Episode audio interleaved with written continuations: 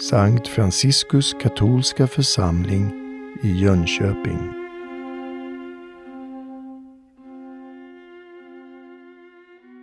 Kyrkan har valt i valet av texter det som handlar om Kristi kors, om Kristi lidande och död eh, för att illustrera det vi firar idag, den helige Padre Pio, Pater Pius av Pietrelcina. Eh, man kan tänka sig att det var en ganska så dyster man. När man ser på alla foton och så, eh, så ser han ganska så bister ut. Och det finns bara undantagsvis några foton när han ler och ser väldigt glad och nöjd ut.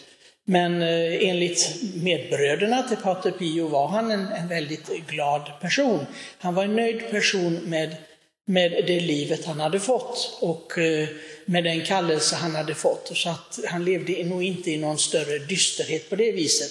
Däremot blev han väldigt plågad och prövad. Och Padre Pio han såg som sin uppgift, sin andliga uppgift, att undervisa folk om en mer, så att säga, jag ska säga, jordnära andlighet. En andlighet som hade med den verkliga spiritualiteten och andligheten att göra det som är vår kallelse att hålla oss till Kristi kors. Enligt Padre Pio så har människor många gånger en förvrängd syn på livet. Det är misslyckat om vi inte är lyckliga. Om vi inte är lyckliga på ett mänskligt sätt. Och Padre Pio tog emot alla dessa eh, sina andliga barn, som de kallade sig, eh, biktbarn som kom från alla världens håll och kanter faktiskt. Det var massor med människor som fick regelbundet mer eller mindre komma till Padre Pio och bikta sig och andliga samtal. Och eh, jag har ju lärt känna några av dem, men eh, det viktigaste i hans undervisning det var detta att, att inte ge upp liksom inför detta med svårigheterna i livet och prövningarna och, och ge vika för detta och tro att jag är övergiven av Gud. Det är så lätt att man tror det. Att man på något sätt är undantagen denna Guds starka kärlek och får genomgå svårigheter och lidanden och misslyckanden och allt möjligt sånt där elände. För Pater Pio var det precis tvärtom. Lidandet för Pater Pio betydde precis som för kyrkofäderna, det, är inget nytt för honom, men, han hamrade detta hela tiden. Lidandet är ett tecken på att Gud älskar dig. Du ska vara rädd om du lever ett liv utan lidande. För då har Gud inte förtroende för dig. Så skulle man kunna sammanfatta det som Pater Pio undervisade om. Och eh, många gånger så kom det folk och de grät inför Padre Pio. De hade, de hade svårigheter i familjen, i äktenskap, med sin hälsa och jag vet inte vad för någonting ekonomiskt. Eh, och, och han, liksom, det var nästan standard för Padre Pio sa, gläd dig. Gläd dig över detta, att Gud låter dig gå igenom det. Gläd dig över detta, för Gud har förtroende för dig. Och det är din rening här i livet för det som du har misslyckats med att tjäna Gud. Det är ditt sätt att göra bot här och var glad för att Gud ger dig tillfälle att göra det här och inte behöver göra det efter detta livet. Det var så han bemötte det. Och samtidigt hade det en annan egenskap eller funktion, lidandet. Lidandet skulle forma oss. Padre Pio han tyckte om att använda liknelsen med Gud som mejslar en sten stenar, stora stenar. Idag bygger man inte kyrkor med, med sten. Det vet vi, det är andra material. I, vår kyrka är av tegel och trä. Men eh, det är ju fabrikstillverkat. Medan stenen som högs, det är mejslat och det är en, liksom, en idé omkring det, hur man gör det. Och det är mänskligt initiativ. Och i det här fallet så säger han, vi är det här tempelbygget som Gud mejslar. Det är inga fabricerade saker. Han gör ingenting i formar, gjuter oss inte i formar, våra själar, för det ska passa. Nej, Gud mejslar var och en. Det är det som gör det så dyrbart. Men om vi inte tillåter mejslandet, utan gör uppror mot Gud när han mejslar oss, då är det klart, då, blir, då är det svårighet. En sten kan inte göra uppror. Men det kan bli misslyckat med en sten också naturligtvis. Det visste alla stora konstnärer som Michelangelo och så. Men här handlar det om, Gud misslyckas inte, men om vi förvägrar honom möjligheten att mejsla, då blir det inte någonting storslaget. Och Padre Pio sa att det är meningen att vi som går igenom ett lidande och tar emot det exakt så som Gud vill ge det, accepterar Guds vilja. Det är därför han älskade Maria så mycket, för att hon sa fullständigt ja till Gud. Då blir det någonting fantastiskt, detta tempelbygge som vi ska få vara med om. Och vi ser det ju inte här på jorden, sa han. Vi kommer inte få se det, resultatet och vad det är ämnat till förrän i evigheten. Men han sa till alla som han mötte, ge inte upp. Ge inte upp.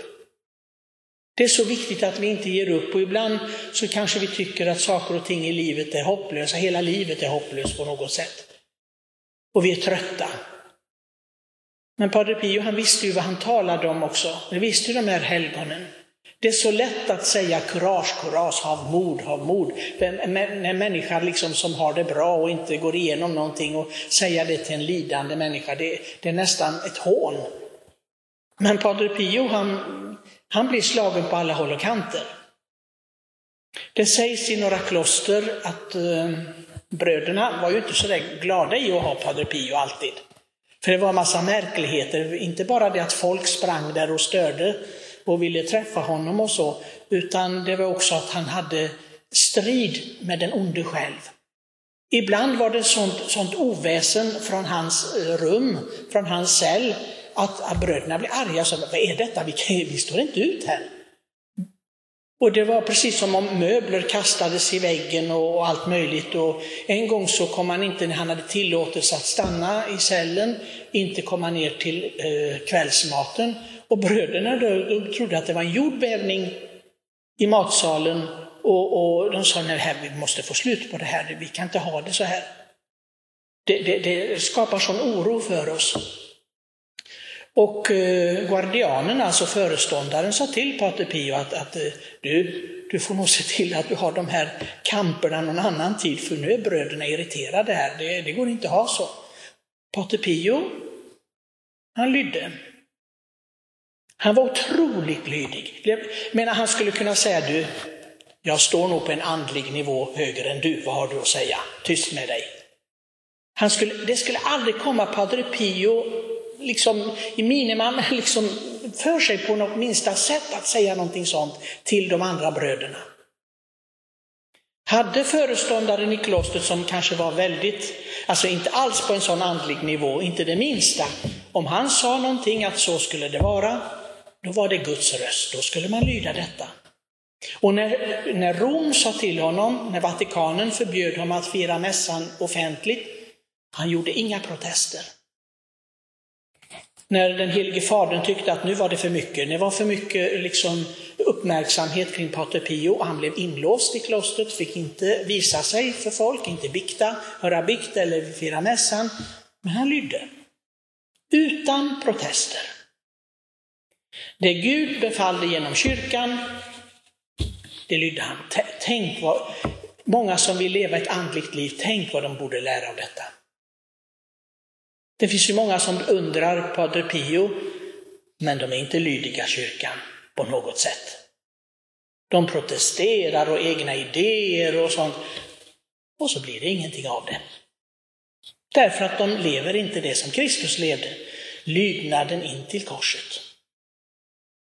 För där har vi grunden, det är den, det är den riktiga grunden för en sann andlighet. Inte det att jag sitter och ber i timmar eller, eller har starka känslor när jag tänker på Gud eller, eller andliga ting.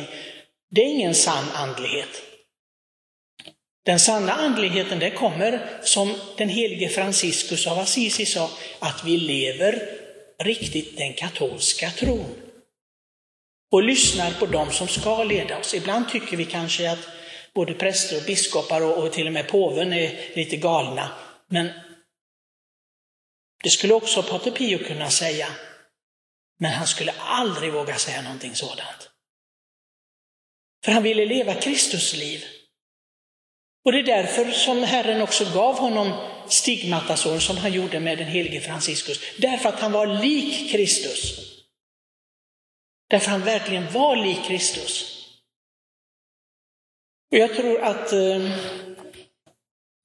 bli vän med Pater Pio, det är att se på hans liv och försöka likna detta.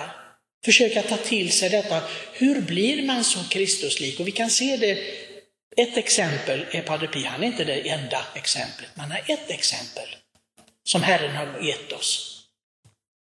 Vi ska inte eftersträva sådana nådegåvor, liksom av extaser och få stigmatasår och sånt. Det, det är inte sånt vi ska sträva efter. Om Herren vill ge det, så tar vi emot. Men om Herren vill, för det är alltid för några andra, det är aldrig för oss själva. Alla nådegåvor vi får, det är aldrig för oss själva för att vi ska njuta av det eller eh, liksom tycka nu, nu är vi så att säga eh, erkända av Gud på något sätt. Aldrig. Om vi ser på helgonen, de nådegåvor de fick, är det alltid för det gemensammas bästa, för kyrkans väl. Padre Pio han fick hjälpa och stötta många, många människor. Men det betyder inte att någon av oss, till exempel om det är människor i vår församling som ger stöd åt en eller två människor, att det är mindre värt i Guds ögon. Absolut inte. Absolut inte. Gud ser det minsta vi gör för andras eviga väl. Och det är så Padre Pio verkade. Jag ska sluta med en liten sak, för det har med, med prästämbetet att göra. Det, ni förstår, det var så väldigt många som ville komma till de mässor som Padre Pio firade. Det var busslaster varje morgon. Han fick fira sin mässa klockan fem på morgonen, för bröderna vill inte ha all den här uppståndelsen resten av dagen. Så att klockan fem, och det var firade under tre timmar. Det tog lite tid de här mässorna med Padre Pio. Men det var fullpackat med människor varenda dag. En, vid en mässa så var det en man som hade längtat efter att komma. Han kom inte ens från Italien. Han, kom, han reste långt och han satsade på denna. För det, och, och, San Giovanni ligger ju på Syditalien som en lång, lång resa. Och den här mannen var så glad och lycklig att han skulle få komma på Pader Pios mässa. Och när han kom dit, han bara stod och så tittade han att bara strax efter Padre Pio hade körts in med rullstol till altaret så såg han en annan präst som anonymt gick med kalken till ett litet sidokapell. Men där fanns ingen. Och den här mannen tänkte, ska, ska jag gå dit och, och, och assistera och svara vid mässan till den prästen istället? Jag menar, det är ju samma mässa, det är pader Pius mässa är ju inte annorlunda, det är pader Pius som är annorlunda, men mässan är inte annorlunda, även om, om det inte är pader Pius som firar den. Så den här mannen i sitt samvete kände att han, han, han, skulle gå till den mässan som den ensamme prästen firade istället och försaka pader Pius mässa som han hade längtat efter att få komma till i flera år. När den här mannen kommer in i kapellet och de stängde dörren så många brukade säga att när de, kom, när de var med på Pader Pios mässor så kände de rosendoft, en stark rosendoft. Och inne i det här kapellet så sa han, milde tid vilken rosendoft. Det kände han. Och så när han kommer ut, han kommer ut tidigare, så väntar han och, och, och så, så kommer det andra som han kände igen och så frågar, men vilken stark rosendoft det var i kyrkan. Vi kände ingenting. Så de som hade varit på Pader Pios mässa, de kände ingenting av detta. Men Pader Pio hade lagt märke till att den här mannen, han gick in där för att assistera vid den prästen. Han fick känna undret. De andra kände ingenting vid den mässan. Och det var Pater Pios undervisning också, förstod han, att vi ska aldrig liksom värdera om det är den eller den prästen som firar mässan. Och det var ju någonting som Pater Pio också sa till och vissa gav han till och med nästan piskrapp. Med sitt rep slog han till några för att de kom dit av nyfikenhet och körde bort dem. Det finns till och med filmat på Youtube. Att han tyckte inte om sånt sensationslystna människor som vill konsumera religion. Och det blir det oftast. Vissa som bara söker sensationer, upplevelser, men de söker inte Kristus. Må vi be den helige Pater Pio idag att vi får hjälp i vår andlighet, att den blir sund. En sund andlighet som bejakar det livet som Gud vill ge oss i alla de former. Att vi tar emot, precis som Bibeln säger, det goda med det dåliga.